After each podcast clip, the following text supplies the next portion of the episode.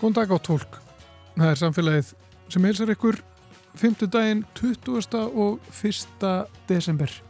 Og það eru Guðmundur Pálsson og Arnildur Haldunardóttir sem eru umsjónamenn og Arnildur er stött á Akureyri. Já, mikið rétt. Hér kingir snjónum niður. Þetta er bara eins og að vera inn í svona lítilli jólakúlu. En við ætlum meðalans að fjallum neytendamál í dag. Neysla, hún er vissu hámarki fyrir jól. Fólk þræðir búðir eða vefverslanir og eigðir peningum í gríð og erg. Og ég ættir í öðsynni mikilvægt að huga réttindu sínum og það á svo sem ekkit síður við eftir jólinn þegar það á að fara að skila pökkum eða nýta gafabrefin. Við ræðum neytendamál sem að snúa jólunum við Brynhildi Péturstóttur hjá neytendasamtökunum. Og nú þegar þrýr dagar eru til jóla er í nóg að snúast hjá hjálparæðishernum á Íslandi. Stór jólamáltíð og morgun þúsund jólagjafir í innpökkun og sjálfbóðaliðar að sapna framlögum og selja herópið. Herdís Kristinsdóttir er svæðisfóringi hjálparæðishersins á Íslandi. Hún sest hjá okkur hér á eftir.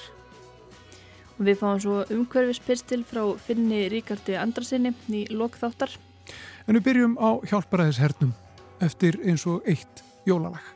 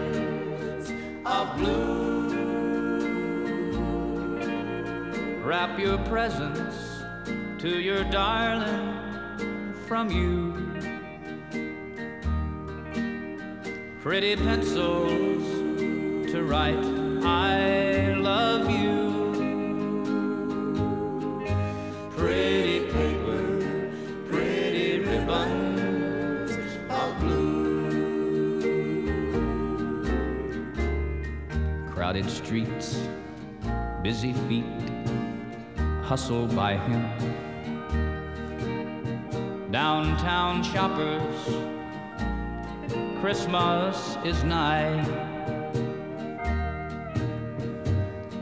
There he sits all alone on the sidewalk,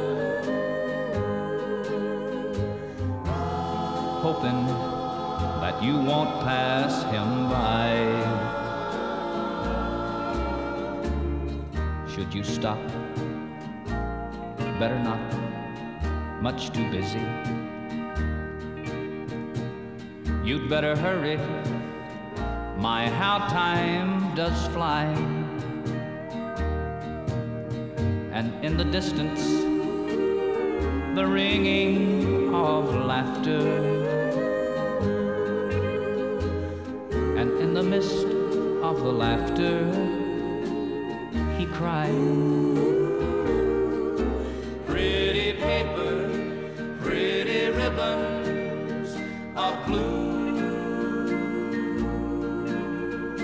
Your presents to your darling from you.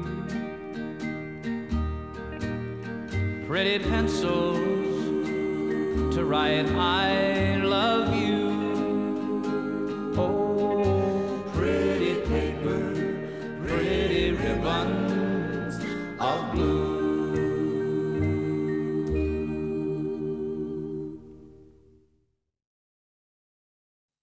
Eru sest hjá mér Hjördís Kristinsdóttir. Hún er svæðisfóringi hjálparæðishersins á Íslandi. Verður velkomin til okkar. Takk fyrir. Um, eins og alltaf þá er í nú að snúast hjá hjálparæðishernum uh, svona skömmu fyrir jól. Já, það er það. Alltaf nóg að gera. Já. Já. Hvernig eru þessi dagar núna fram að jólum? Það er bara, nú eru bara tveir dag til jóla og við erum að, búin að vera að undirbúa jólagjafir. Það eru um 460 börn skráð fyrir jólagjöfum hjá okkur og, og yfir 500 fullortnir. Þannig að það er búin að vera að pakka jólagjafir og versla inn og, og gera og græja eins og maður gerir. Já, þetta eru næstu þúsund gjafir. Já, ég held að við förum yfir 1000 gjafir ef við tökum með gjafir til fanga á Íslandi. Já. Já. Það er svolítið marg, margar gafir. Já, það er mikið að gera stóla heimili. Já. Já. Og hvernig gengur þetta fyrir sig? Eru, fólk er skráð fyrir gjöfum. Hvernig, Já, það er aðalega barnagjafirna vegna þess að það skiptir nú svona máli að, að börn fái gjafir við hæfi, að sé sagt, eftir, því, eftir aldri og stærð og allt þetta. En, en við höfum nú ekki verið að skrá fullorðna, þannig að, að til okkar koma í jólamatinn sem núna er haldinn á okkur síðasta virkadag fyrir, fyrir aðfangadag, þannig að morgun 20. að þá koma til okkur, við gerum ráð fyrir að komi svona hátt í 300 fullornir og, og þá eru við að gefa út gafir og í dag er á ásprú hjá okkur, við erum líka með, við erum svona starfstöð þar og þar gerum við ráð fyrir svona 150 fullornum og við erum um 200 jólagjafir sem fara þar út til barna í dag. Já, Já. þannig. Þannig að jólamaturinn er núna um, á morgun. Á morgun, já. Um, það hefur breyst, er það ekki? Það, var, það var alltaf matur á aðfangadagskvöld. Við vorum alltaf með mat á aðfangadagskvöld og þá var þetta að hugsa fyrir heimilislausa og fólk sem að kannski ekki hafði neinn hús að venda. E, síðan með aðkomi gistiskílana þá fóru gistiskílinn sjálf að, að búa til þessa jólaháttíð á þeim stöðum og hópurinn breyttist mjög mikið þegar fóru að koma mikið fjöldi innflytjanda og umsækjandum vernd og svona. Þannig að allt í nú voru jólabóð íbúðin okkar orðin kannski 500 manna fjölskyldubúa. Þetta var svona öðruvísi svona og þannig að við tókum eiginlega það ákverðin svo í, eiginlega í COVID, 2020 2021 held ég hafi verið að við ákvaðum að hætta að vera á aðfangut að byrjuðum reynda 2019 að vera með þetta í hádegin út af samgöngum en svo tókum við ákvaðun að, að hópurinn kannski var bara að koma í parti eða skiljur, þannig að þetta var svona pínu öðruvísi stemming. Og ákvaðum þess að bara jólamaturinn væri síðasta virka dag en svo finnum við það núna að árferðið er bara annað og, og það er mikil og stór hópur fólk sem að kannski kom til okkar áður sem að ekki er beinlinis heimilislaus en er fólk sem að býr í eigin húsnæði eða leigu húsnæði en eru einstæðingar og þurfa kannski á samfélagi halda. Þannig að við erum allum að endur skoða hvernig þetta verður á næsta ári. Ég held að við tökum samtalið um það í janúar hjá okkur. Já. Já. Ég, ég spurði þið áðan uh, það er alltaf fólk í mati á ykkur, það ekki, eh, sagði ég á, á jólunum og þú segir það er fólk í mati á ykkur alla daga. Já, við erum, þetta breytist nefnilega svo mikið hérna hjá okkur hérna 2020, þannig að núna erum við með bara opið hús hjá okkur alla virka daga í hátteginu og erum með það bæði hérna í Reykjavík og, og Ásbrú og það koma, ef við sláum þessu saman, þá er þetta svona 300-400 manns á hverjum degi sem við erum að gefa borða.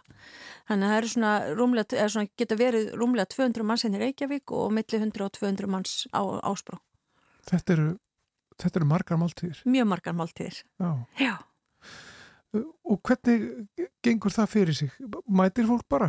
Já, við reyndar tókum það ákverðin í sumar að taka lítið gjald fyrir fyrir þau sem geta greitt og þannig að þau sem geta greitt greiða 2500 krónur fyrir tíu miða kort, þannig að það er máltíðin á 250 krónur en svo eru þetta alltaf einhverju sem ekki geta það og þá eh, bara mætu við því.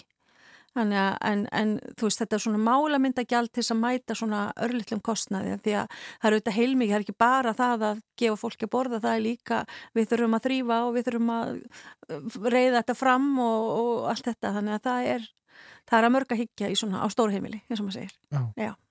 Og þetta er laungsaga hjálparasersins á Íslandi? Já, við erum búin að vera í Íslandi síðan 1895 Þannig að hérna og, og hjálpræðsherrin er líka svona, veist, við tökum svona svolítið púlsin ef við reynum það og ég vona okkur sé enna takast það. Þannig að við erum að reyna að mæta þörfinni þar sem hún er og svo þegar það breytist þá eigum, við líka að vera tilbúin til að breyta. Íslandingar oft svona fastheldnir á því að hvað er ekki jólamálti og hjálpræðshernum aðfangata en, en það var bara ekki þörf fyrir það þarna fyrir tveimur, þreimur árum síðan og, bara, og þá þurfum við líka vera tilbúin til að breyta og skoða og, og, og endur með það og það er bara partur af þessu. Já. Já. Það eru alltaf sko þessi svona þessi klassíska mynd af uh, ykkar fólki með, með hérna svona kassa Já, að selja herópið og svo var, er hægt að, að líka að gefa uh, framlög ef Já. maður vill. Er þetta ennþá? Er ennþá fólk bara í enginnisbúningi og, já. og hérna selja herópið uh, fyrir jólinn? Við fengum sem betur fyrir nýja búninga núna. Þeir eru aðeins meira nýmóði, sko. Já. Þannig að við erum ekki alveg svona, svona hérna, frá 1940 með hérna, ennska ullarbúninga. Þeir eru mjög fínir núna. Sumir getur haldið að við værum núna að vinna fyrir Æslandi er eða eitthvað. En, en hérna, að, en, en uh, jú, við erum ennþá í búningum og, en við, held, ég held okkur hafi kannski svolítið tekist að breyta ímyndin okkar. Að það haldi ekki allir að við tölum bara norsku og spilum á gítar og hérna rosa hátt upp á brjóstinu og, og, og svona sko Einhverju gera það ennþá? Já, já, en það ekki, ekki við erum reyndar bara með ís, svona, fólk á Íslandi núna sem talar íslensku sem eru fóringjar. Eh, Reyndar með eitt svona sem hann er ekki fóringi hjá okkur en hann er spænskumælandi til að mæta auknum fjölda fólki frá Suður Ameríku en, en Við, jú, við stöndum bæði fóringjar og hermenn við jólapottin og, og hérna höfum verið að gera núna í desember en mjög mikið af framlögunum hefur færstu þetta bara í svona rafrænar greiðslur þannig að, að við finnum að það kemur minna inn í pottin sjálfan en, en það sem að, að streymir svona inn á, á reikningana mert jól að það fer auðvitað allt til velferðarstarfsins okkar. Já. Já. Og þetta hefur breyst mjög mikið náttúrulega einmitt eins og þú segir. Uh, Hvernig fólk tekur þátt í ykkar starfi?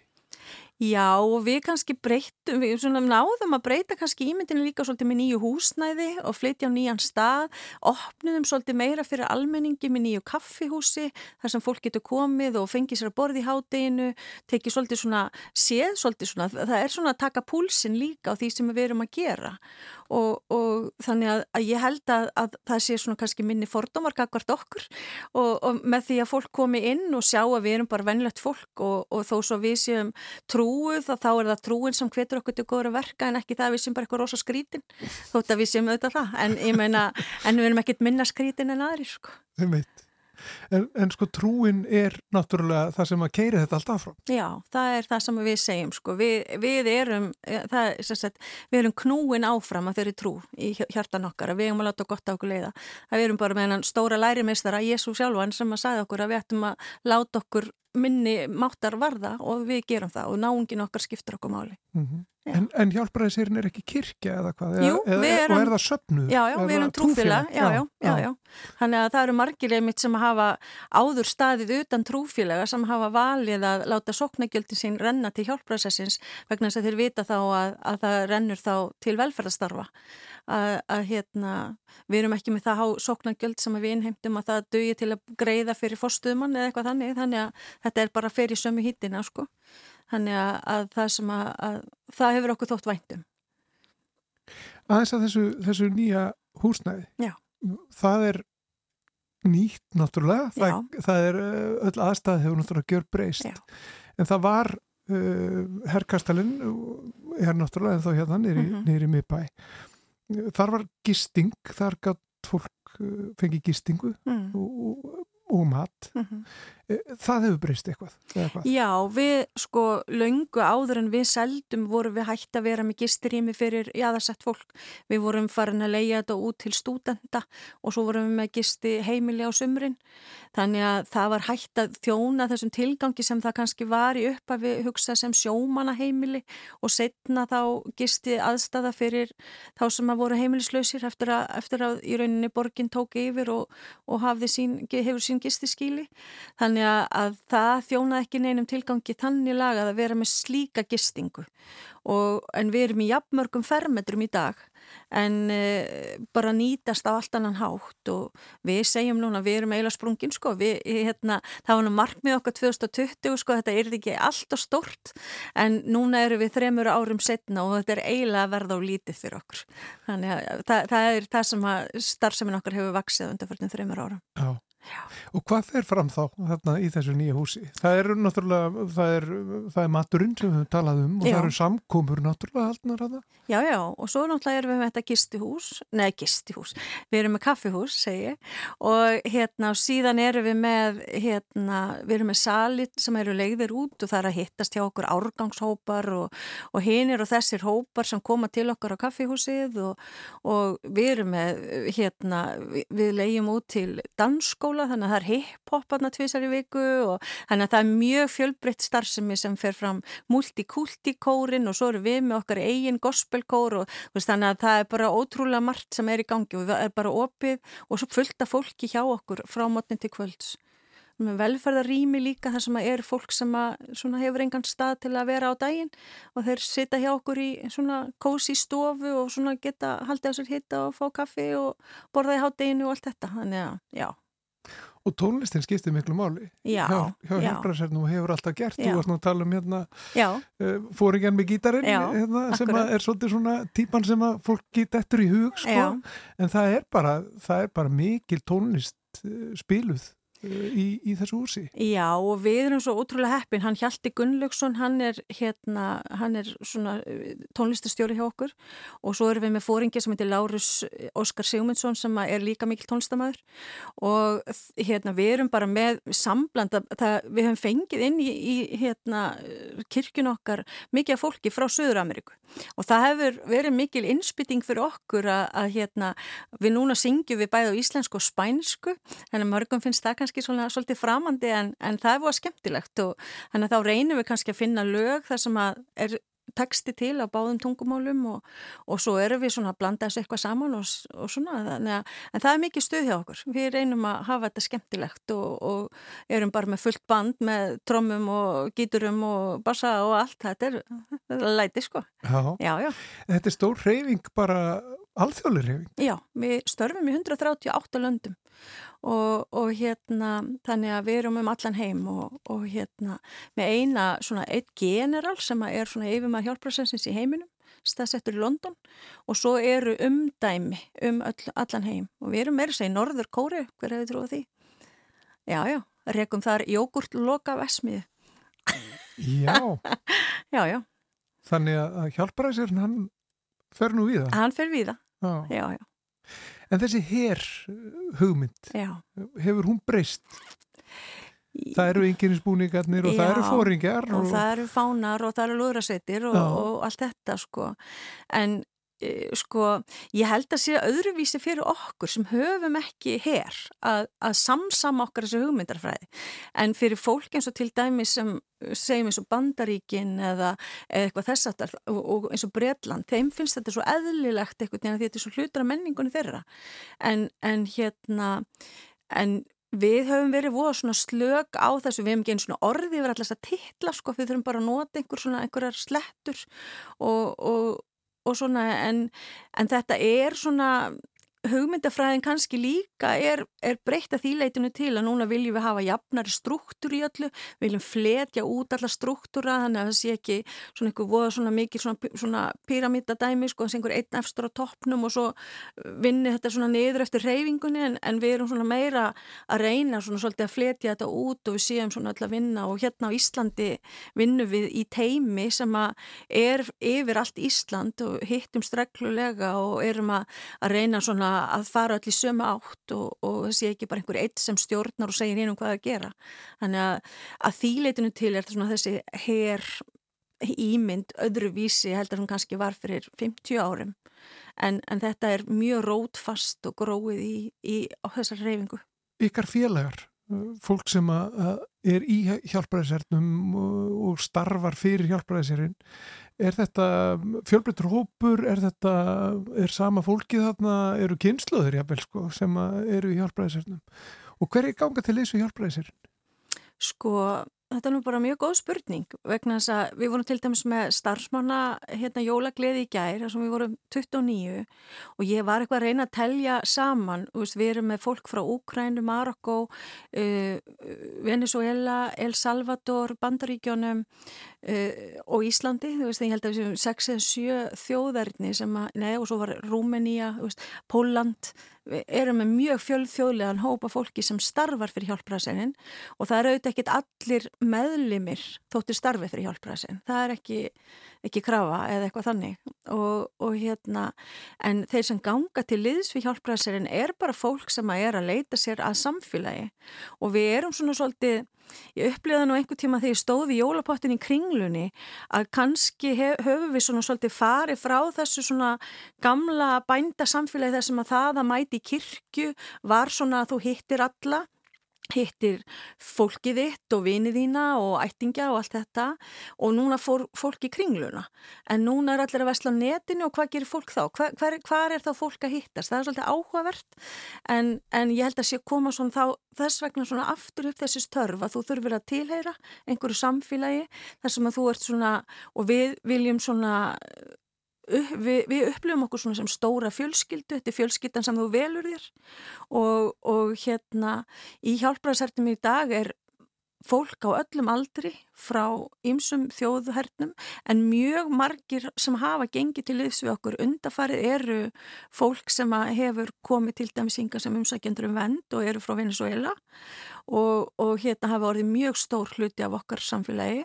En svo finnst mér líka bara fallegast í því eru svo áttræðu konurnar okkar sem eru búin að vera í hjálparsærtum í 50 ár að taka á móti þessum nýju Íslendingu með þeim hætti sem þær hafa gert.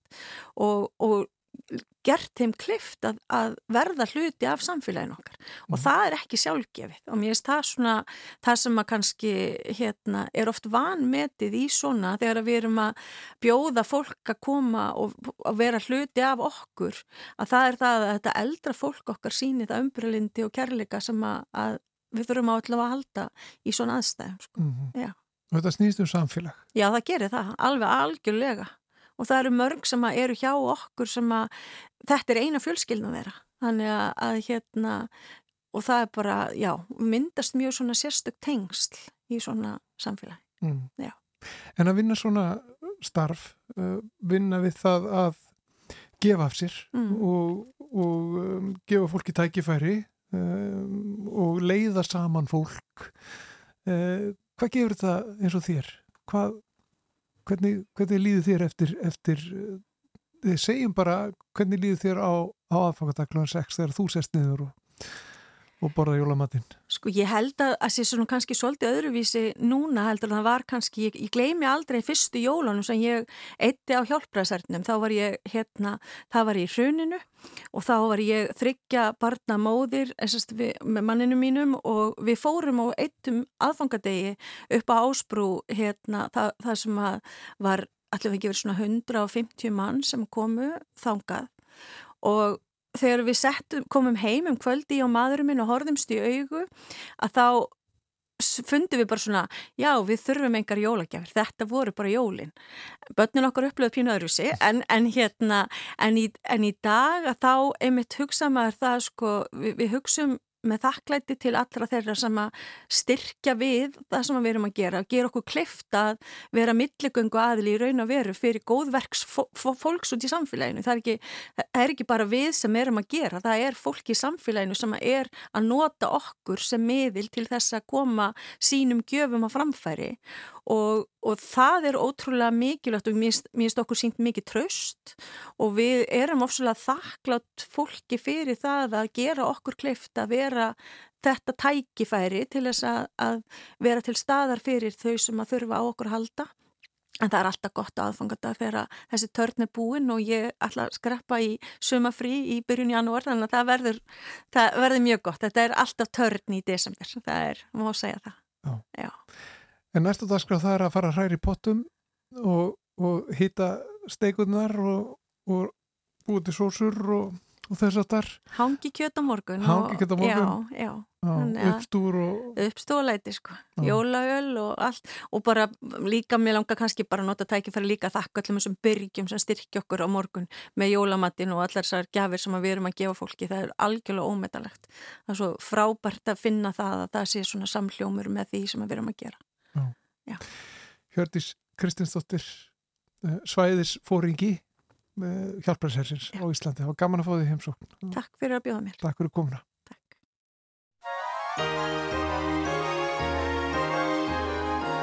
It's beginning to look a lot like Christmas everywhere you go. Take a look in the five and ten, listening once again with candy canes and silver lanes aglow. It's beginning to look a lot like Christmas. Toys in every store.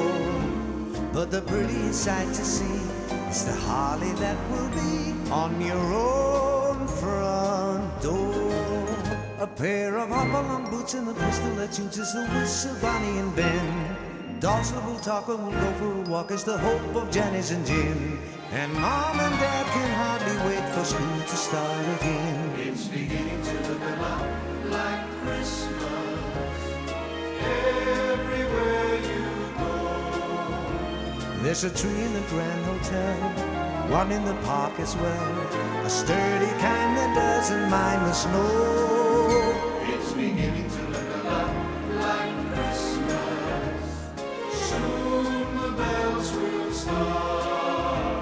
And the thing that will make them ring is the carol that you sing right within your heart.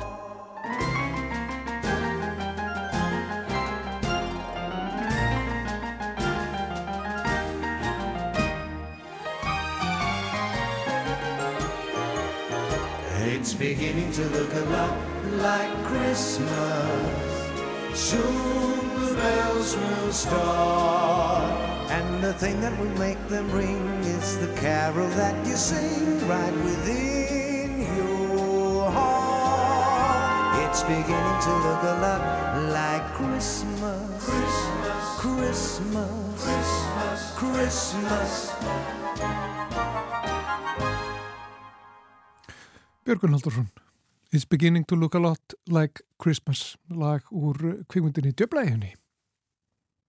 Já, hingað í samfélagið er komin eins og ofta áður Brynhildur Pétursdóttir, frangandastjóri neytundasamtakana og uh, við ætlum að ræða aðeins uh, jólaleg mál eða svona kannski meira eftir jól sem að þetta bankar upp á en fínt að vera með vaði fyrir neðan sig og, og svona aðeins búin að pæli þessu og það er skilaréttur, ímislegt tengt gafabrefum.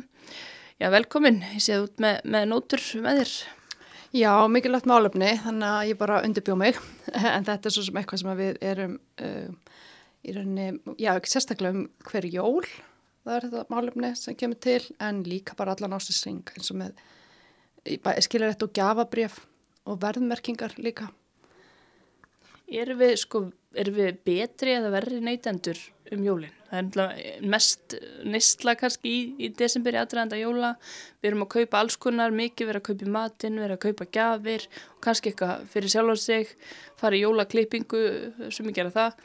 Þannig erum við, erum við sko meira pæli í þessu eða erum við minna pæli í þessu þegar við viljum bara fá allt og, og án vesens? Sko ekki sé neina rannsóknir uh, í, í þessa veru en rannsóknir sem hafa verið gerðar bara á neytendum í Evrópu, það er sína að við erum alveg ágætti neytendur. Uh, sérstaklega þegar kemur að því að þekkja rétt okkar. Hvort við erum með goða verðvitund, um, það ég kannski held að þar séu við um, kannski ekki af goði neytendur eins og kannski við byrjum saman með Norrlöndum. Það kemur líka bara til að því að við búum svona við viðvarandi verðbólku getur við sagt um, og verðvitund neytanda, hún til dæmis, það er mjög mikilvægt að verðmerkingar séu góðar uh, á, á, á markaða sem sakir með frjáls, þá er rauninni má seljandi bara setja það verð á vöru sem hann, honum þóknast og síðan er það okkar neytanda að greiða allkvæm með butinni um, og til þess að við fáum svona um, góða verðvitund þannig að við höfum tilfinningu fyrir hvað er hagstætt verð, hvað er of dýrt, þá þurfa verðmerkingar að vera í lægi. Þetta er eitt af því sem þið hafið skoðað og kannski sérstaklega svona fyrir jólinn þegar að fólk er að kaupa að oft fer maður út í búð og, og það er bara erfitt að finna hvað varan kostar. Svo reyndar í maturubúðunum er stundum komin svona skanni þá getur maður að lappaða honum og, og skoða það sjálfur sko. En svo í öðrum, öðrum búðum sem selja einhverja svona hluti þá kannski þarf maður að fara að kassan og, og spyrja fyrir ekki hvað, hvað kostar þetta. Er þetta stort vandamál í dag? Já, þetta er í rauninni alltaf stort vandamál og það ef að hérna ef að skoðaðar ákvarðanir sem neytenda, neytendastofa sem er eftirlstofnun sem fer með lands með eftirl með verðmyrkingum um, ef við skoðum ákvarðanir á hverju ári þá er alveg ótrúlega margar sem varða sérst, verðmerkingar og það að seljendur trassa að verðmerkja. Og við höfum verið að benda á þetta og þetta er í rauninni það varðar við lög, það er skilt að verðmerkja vöru hvar sem hún er til sínis hvort sem það er í búðarglugga eða inn í verslun um, og þjónustu líkarendar og neytendastofa fer uh, og skoðar, fær ábendingar vissulega líka, fer svo skoðar hefur verið að taka til dæmis bakari og hárgræslistofur og svona hitta þetta og ef að verslun eða þjónustæðili verðmerkir ekki almenlega þá fær viðkomandi sendt bref og hann er bent á þetta og hann er beðin um að laga. Ef hann ger það ekki þá getur neytundastofa, eða ekki getur, þá sektar neytundastofa viðkomandi. Þannig að... Er það dagsettir eða einhver einn sagt? Um, ég held að þetta sé vel bara einn sagt um, og, og væntanlega líka fara, er svo farið aftur og skoðað eftir einhver tíma. Um, þannig að þessi fyrirtæki sem við sjáum á heimasíðu neytundastofu undir ákvarðanir eru fyrirtæki sem, hafa, sem, sem hefur bent á að þeir eru ekki verið mjög nóg vel, gefið tækifæri til úrbóta en ákveða samt sem áður meðvitað að, að, hérna, að þráast við og verðmerkja ekki og að okkar mati þá eiga neytundur einfallega að sniðganga þessa seljendur. Erstu búin að kíkja á hann lista nýla? Hvaða, hvaða fyrirtæki eru eftir honum? Ég kíkja alltaf á hann lista af og til um, og við ætlum meira sér að vera með skammakróka síðan okkar þar sem við, uh, það er sem nöpp fyrirtæki sem fara ekki eftir ákvörðunum kærunendur veru þjónustukaup og svo ákvaðum við að setja líka þarna seljendur sem að þrást við að verðmerkja og þetta var bara ómikið vinna. Að hérna það var bara upp á sig já, við verðum bara forgangsrað og þeir eru svo sem ef, ef fólk fer inn á neytindastofa ákvarðanir og svo eftir árum og þá er bara hægt að sjá allar ákvarðanir og flestar þeirra eru vegna verðmerkinga. Og þetta eru kannski hugsanlega ekki nógu háarsektir ég veit það ekki, en þetta er og kannski finnst fólki þetta ekki há alveglegt mála að, að, að seljendu trasi verðmerkingar en það er það vegna þess að þetta er hluta því að við séum með goða verðvitnundur og við erum að taka ákvörðunum kaup þá eigum við að vita hvað hlutinni kosta og ég skil ekki, ég myndi halda að seljendur sé ekki gera sér neitt greiða með þessu því að þetta sé miskilningur því að ef ég sé ekki verð á vöru þá ímyndi ég mér að seljandi skammið sín fyrir verðið. Eh, ef þú ert að selja vöru og ert með gott verð. Gott verð getur verið hátt verði varan er vönduð, bara sangjant verð á vörunni, þá ert ekkert smeykur við að hérna, upplýsum það. Og að því við höfum verið í ára að rifja upp um, söguneytarsamtökna því við erum 70 ára. Og það var bara í fyrst tölblæði neytandablassin sem kom út 1953 þar er ákall til kaupmanna um að verðmerkja vörur. Já, Þetta er guðmulsá og ný. Þetta er guðmulsá og ný sko, þú talar svolítið eins og þess að þetta sé meðvituð ákverðunum, þetta sleppa því að verðmerkja, e, er þetta ekki bara trassaskapur eða kannski svona e, verið það að sminka við þessi vinnu af því að þetta er streða þurfa kannski jafnvel líma miða á hverja einustu flík í, í fatabúð eða þess að þar? Ég hugsa þetta að sé alveg oft trassaskapur en í þessum tilfellum þar sem að uh, fyrirtæki eru síðan sektu þá er það eiginlega ekki afsökunum vegna að búa að benda þeim á þetta. Um, þetta er líka bara hluta því að uh, vera í, í þessum bransa. Það er að verðmyrkja vörur. Ef þú treystir ekki að verðmyrkja vörunar, kannski bara finna eitthvað annað að gera. Einmitt, uh, og þetta er einmitt, já, maður veldið fyrir sér sko, hvort þetta geti haft einhver jákvæð áhrifurinn á söluna að verðmyrkja ekki, en maður þurfti þá að vera orðin ansi bundin hlutnum og ákveðin að kaupan og, og, og skellurinn þegar maður kemur á aðgúsluborðinu má ekki vera of mikill sko þegar maður ætlar að fara að borga nákvæmlega óvissu ferð að fara með einhvern hlut sem maður veit ekki hvað kostar en þetta ger maður þetta kannski þegar maður er að kaupa í matinn og kaupir einhverju sultukrukku og veit ekki hvað hann kostar og svo kemur ljós sem kostar 795 kronur en þú helst kannski að hann kostaði 302 sko. Mm -hmm. Já, ég held að sko eins og í maturvestlunum þá er þetta kannski, erum við ekki jafn mikið alltaf stuðið og þar hefur orðið svolítið verið við að það sem að uh, stundum fólk aukvöldar er að það er kannski afsláttur á vöru og svo kemur það á kassan og þá hefur er afslutin ekki komin inn í kassakerfið. Það er stundum eitthvað svoleið sem er í gangi Um, ég held, ég bara get ekki ímynda mér að það séu margir neytundur sem að kaupa vöru að þess að vita hvað hann kostar. Og ef þú þarfst að spyrja ítrekkað um verð á vöru í vestnum þá er það bara hætt, þú nennir því ekkert. Það bara hættir þau sko.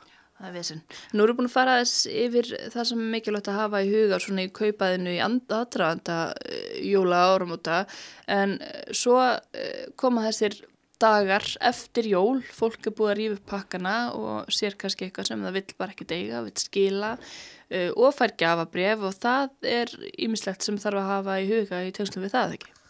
Jú, ef við tökum gafabrefin af því að þau eru, það er alltaf eitthvað um það hjá okkur. Um, seljandur neyta að taka við gafabrefum, fólk er að spyrja hvað er gildistíminn. Um, það er er engar reglur um þetta í raun og veru en við höfum alltaf talið eðlilegt að það sé að minnskosti fjóri ára gildistíma og gjafabröfum og það er almennur hérna bara fyrningafræstur á kröfum. Um, ég var einmitt að skoða að því að við vorum svo oft til dæmis í maður því að vá flugfélagi var það var eins á skildistíma á gjafabröfum hjá hann þetta var endalust vesen.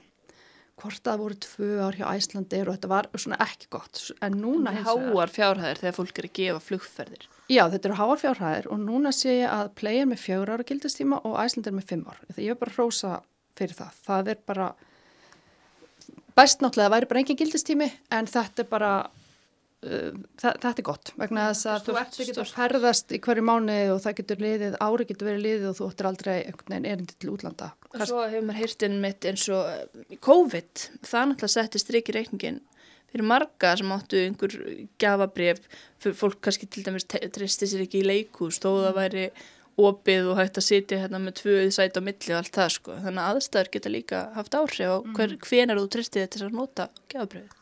Einmitt og í COVID þá fengum við fengum mjög mörg mál og þá fannst mér nú seljandur allir jafna gera mjög vel í því að lengja í gildistímanum. Við vorum reyndar að fá svolítið mikið frá hótelum það og bara var alveg svo litið til vandraða um, og þá var þá var verið að reyna hérna, selja gjafabrið okkur góðum afslætti, íslendingar að kaupa síðan allt í hennu opnast, þetta var alltaf fram og tilbaka einhvern veginn og þá var allt í hennu kominir útlendingar sem var hægt að selja hérna, nóttina miklu hærra verði og þetta var Það var bara að borga á milli íslenska gjafabrið. Já, þá bara allt í hennu mátt ekki nota og svo ef einhvern veginn, það eru eins og ég segi, skilmálanir eru þetta reyndar hefur ekki farið svona mál kannski fyrir það var nú farið fyrir kærunemnd en ekki fyrir domstól það er þetta hvenar er þetta, það, sko, það er fyrningafræstur og grömi fjór ár en síðan er talað um að þú mátt semja. Það er bara samningsflelsi þannig að ég sem neytandi og þú sem seljandi við getum samið um eitthvað. En það má spyrja sig hvað samningsstöð er neytandin má seljandi segja að það er hérna 8 mánu að gildist í með þessu gefabrið og bara nota það á sunnudögum. Þú veist hversu langt má hann ganga? Að því svo til eitthvað sem heitir ósangjarnir skilmálar og við, þetta er svona svolítið eins og með verðmyrkingarnar, bara af hverju ekki að koma bara vel, þú það er einhver sem á gjafabref, af hverju ekki að leifa viðkomandi að nýta það. Ég stóði eins og stappi við seljanda sem hafa komið eitt ára og ein, ein vika og hann vildi ekki leifa neytandanum að nota gjafabref þegar þá múti allir hinnir koma. Altså allir hinnir sem eru viðskiptöðinir viðkomandi vestlunar sem eiga gjafabref búin að setja pening inn í vestluna en með að svo ekki taka út. Um, þannig við myndum ekki hika við þegar svona mál koma að láta reynaði fyrir kærnend uh, og, og hérna væri gaman að taka svona mál fyrir dóm en við höfum kannski ekki alveg efn, efna á því að fara í efnark dómsmál eins og við vildum til þess að uh, sjá hvað fordæmi dómstól myndi setja í ákveðnum málum. Með gafabriðin að loku myndi ég segja bara ekki kaupa gafabrið að gildist í minn stöttur um, nýta gafabriðin sér fyrst fáum alltaf mörg dæmi þar sem að seljandi veitingastæður, gististæður er farin á hausin. Þá er ekki tægt að nýta það. Þá getur þú bara lendið verðunum vandræðum og öllum þú getur ekki nýta. Þannig að bara nýta gjafabrefin og svona ef fólk er að gefa gjafabref þá kannski vil maður nú ekki vera með leiðindi en svona það sem við sjáum mest af, mestu vandræðin það varðar oft veitingastæði það er mjög sniðut að gefa og fara út að borða. Í dag er bara fólk á svo mikið margir að freka bara að gefa upplifun en það getur verið alveg sniðut að gefa bara jólakort og segja, við erum fara út að borða. svo velur staðin þegar það er að kemur. Einmitt. Þannig að, já, það, þetta er svona, það, það er mikilvægt bara að, að huga að gildisíminu spyrja út í það þegar maður er að fara að kaupa gefabref eh, fyrir einhvern og, og svo sko, þú nefndir þetta að þér finnst þetta eiga að vera í rauninu fjögur ár, fyrningafræstur og kröfum, en er það algengt? Af því að mér finnst ofta mitt, mér finnst einhvern veginn og kannski hef ég bara ekkert verið mikið að stúsast í kringum gjafabrjöf, en, en yfirleitt finnst mér þetta bara að vera eitt, tvö ár. Er, er það ránt maður tjómur? Nei, þetta er yfirleitt frekar stutt, stuttu tími og við segjum sko minnst fjögur ár. Um, þegar við höfum verið að skoða þetta þá er stundu seljendur sagt já við erum nú bara með þarna eitt orð til að minna fólk á að nýta kortið en það er kannski ekkit seljandans að minna fólk á. Það sem gerist líka er að fólk sér það að sé þá samt í gildi en, en neytandin kannski samt bara búin að henda því að því að hann sér að það er runnið út. Nei þú sjáur bara, heyrðu það bara eitt orð ég verð nú að fara að drífa mig að nýta þetta. Um, finnst það ekki vera mjög endilega góð, góð þannig að við myndum segja eins og nutt og, og slíkt, maður sér ofta svona snirtistofur þá er tiltölulega hérna, stuttukildistími en annað er líka ef að kort er útrunnið það eru margir sem ekkert nefn sjá kort sem bara, ó, ok, útrunnið, já, ég er ekkert að gera þess ég er ekkert að vera með vissan mjög oft leifa seljendur samt fólki að nýta útrunnið kort. Þannig að fólk er með útrunnið gjafakort eða gjafabref, þá myndi alltaf láta reyna á það og kannski vera með pínu kurteislegt vesen þannig er komin, mér finnst alltaf svo áhugavert, þú er komin með viðskiptifinn, hann er búin að leggja pening, eða einhver er búin að leggja pening fyrir hans hönd, e, þú ætlar ekki að lefa honum en svo sama tíma ertu kannski einhverju markaðsæðferð, setja fullt af peningum hann út til þess að fá fólkin á veitingastæðin. Þannig ertu með mannesku, fáðan, ég segi veitingastæðar þegar þú dróft veitingastæðir, þetta getur verið nutt eða hvað sem er, fáðan manneskuna einn, veitu frábæra þjónustu og hún geti jafnvel bara keift gjáakort fyrir öllu hérna, sína ættingi og vinni í stað fyrir að meina fólki að nota kveðakort það er bara, það er ekki nóg gott. Nei, það er rosa vond tilfinning að brenna inni með eitthvað svona sérstaklega þegar það er gjöf sko. En að öðrum gjöfum uh, það er líka svona veraldegar gafir, efnislegar gafir sem fólk fær, innpakkaðar og vil stundum skila. Og stundum þarf það bara að vera búið að skila fyrir sko, fyrsta ennan janúar. Já, það er um, einmitt skila Það verður þá tilmælinn Já, það er, það er þessi skila með svona settur og veru, yfirleitt er gefin frestur svona fram í kannski 5-7. Eh, það sem seljendur er að gera þegar er að fá fólk til að skila vörunni áður en útsalun hefst. Æ, þá byrjar oft svolítið vesen. Um, það er fólk á, sérst, hefðin hefur verið svo að sérst, þarna gilda í rauninni eitthvað reglur þó að við auðvitað teljum bara aðlilegt að seljendur komi vel fram við sína viðskiptavinni og leiðið um að skila og skipta á og innegnunótur nýta innegnunótur á útsölu líka og ég tala nú um gefabref en fólk á bara almennt uh, er hefðin, þú skilar vöru, þú átt ekki rétt á endurgreðslu en það er hérna þannig er það í bandaríkjum og viða seljendur geta endurgreitt vöru eða vilja. Uh, þú færð innegnunótu og stundum er sett þessi skilirði að þú meir ekki nota innegnunótuna á útsölu. En þú átt að það sko, þá átt að fá fullt verð á vöruna og síðan er talað um þá að þú getur þá komið eftir útsöluna og nýtt uh, einegnunótuna en þú fjast fullt verð vörunar á einegnunótuna. Já, þannig að kannski einmitt skýtur svolítið skökku við að geta skilað hérna snjóbúsunum og, og fengið hérna fullt verð farið svo eftir tver vikur og keift tvennar fyrir sama, sama penning. Já, það var svona hugmyndið þegar þetta var sett upp en þetta svona Já, þetta er bara eins og með annað bara, eh, með gjafabrjöfn, bara gangi í að skila. Ég hef reyndar, og við sem búum út á landi kannski erum með eitthvað sem er kiptir ekki að, þú veist, ég aldrei nefndi vandra með að segja, herðu, ég bara kemst ekki með þetta, seljendri er yfirleitt liðlegir. Og ef þeir eru það ekki, nú þá heyri fólki okkur. Einmitt, bara gott fyrir fólk að huga það rétti sínum og þið eru til takks ef á þarf að halda. Takk fyrir að spjalla við samfélagið um, um þessi mikilvægu neytendamál Brynhildur Peturstóttir, framkvæmstjóru neytendasamtökana. Já, takk fyrir. Það dimmir og hljóðnar í Davids borg í dvala sig strætin þakka í bænlítur svölum brotleg sál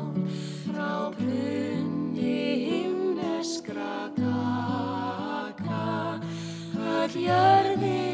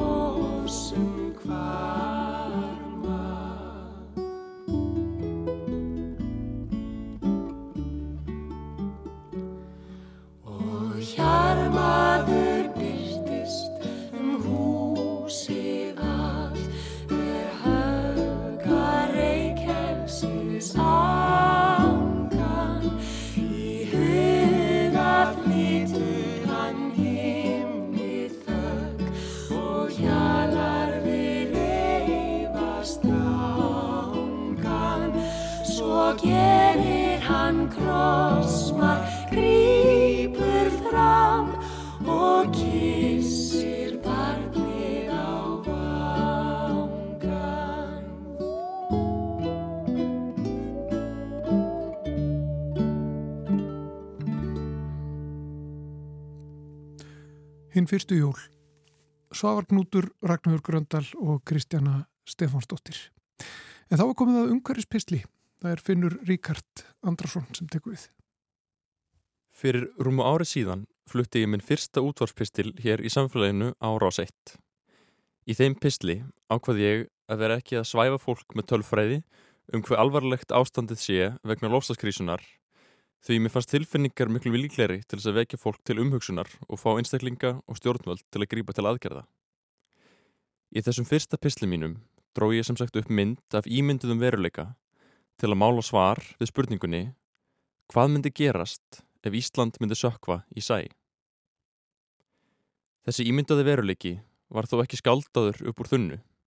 Heldur yfirferði ég einfallega raunveruleika hundruða eiga um allan heim yfir á eiginu okkar, Ísland. Mér langaði að vekju upp samkend meðal hlustenda gagnátt öðrum eigabúum annar staðar í heiminum. Eigabúum sem horfast í augu við veruleika þar sem eigur þeirra getur sokkið í sæ vegna losasbreytinga innan nokkur ára tuga. Það er ef ekki verður dreigð úr losun gróðursaloftegunda nógu mikið og nógu hratt. Þessi smáeríki og skemmtilega, klára og hugrakka fólkið sem í þeim býr er mér mjög hugleikið því þau eru kjarnin í baráttunni fyrir nattrænu lofslagsréttlæti. Það eru þau sem eru þegar að verða fyrir verstu afleðingum lofslagsbreytinga. Það eru þau sem standa frammi fyrir tilvistarlegri ógn sem stafar af hækkandi sjáariðuborði. Að mínu mati ættum við alltaf að setja okkur í þeirra spór og reyna að líta á heiminn í gegnum þeirra augu þegar við erum að taka ákvarðanir sem hafa eitthvað með lofslæðið okkar að gera. En þetta var eitthvað sem skorti verulega af hálfu leiðtóga heims á COP28, loftslagstingi saminuði þjóðana sem lauk í síðustu viku. Niðurstöður COP28 vekja bæði upp von og reyði. Það er hægt að líta á niðurstöðurnar með tveimur mismunandi linsum. Linsu vonar og jákvæðni annars vegar og linsu vonbreyða og reyði hins vegar. Það er ímislegt gott sem þjóður heims náðu samkómalegi um og má klárlega tala um nokkur skref hafi verið stígin í rétta átt. Til dæmis er fjármagn farið að renna inn í nýjan lofslags hamfara sjóð þó það vanti enn mikið upp á upphæðunar. Í fyrsta skipti er jarðafnelsniti, helsti orsakavaldur lofslagskrísunar, nefnt á nafn og kalla eftir því að lönd færi sig frá nótkun og framlýslu þess í orkukjörfum okkar. Þetta markar upphafið að endalokum jarðarnaelsnetis eins og Simon Steele, aðalreitariðs rammasamnings saminuðu þjóðana um lostasbreytingar orðaði það. Svo er kallað eftir útfösun óskilvirkra ríkistyrkja til jarðarnaelsnetis og samið var um hnattrænt markmið um aðlögun að lostasbreytingum. Hins vegar er einnig margt slæmt við loka ákvörunina sem vekur upp reyði. Skilabóðin um hvað við ætlum okkar að gera við jarðarnaelsneti eru ekki nógu afdráttarlaus og ná ekki yfir alla geira samfélagsins, einungis orkugeiran. Síðan eru alls konar óskýr orð og glöfur í tekstanum sem of ómikil áhersla á tæknilusnir svo sem kolumnisföngun og förgun. Einnig voru lofórð Vesturlanda um fjármögnun mótvæðis og aðlögunaradgerða í þróunaríkjum ófullnægjandi. Og svona mætti lengi telja bæði jákvæð og neikvæð atriði í loka ákvörðun COP28. Gott er að nota báðar þessar linsur til skiptis því niðurstöðunar eru fjölbreyttar og ekki má draga úr því sem er jákvætt nýja líta fram hjá því sem er neikvætt. En alveg óháð því hvaða linsu við lítum í gegnum er nöðsulegt að öll lönd og sérstaklega Ísland og önnur vesturlönd auki strax metna lofstafsaðgerða sinna og hraði innleðingu þeirra. Þetta kemur skýrt fram í loka ákvörðuninni. Í þessu samingi er ummæli Guðlaugs Þórs Þórðarssonar um hverjus orku og lofstafsráð þeirra í fréttum rúf strax í kjölfar samþyktar lokarniðustuðu COP28 þann 13. desember algjörlega óviðegandi og beinlinis hættuleg. Í fréttinni stendur að ráð þeirra telji ekki þörf á því að uppfæra markmið íslenskra stjórnvalda vegna samkómalagsins. En það er akkurat það sem megin niðurstöða COP28 snýst um að öll lönd auki metnað sinna landsframlega vegna ófullnægjandi árangurs til þessa.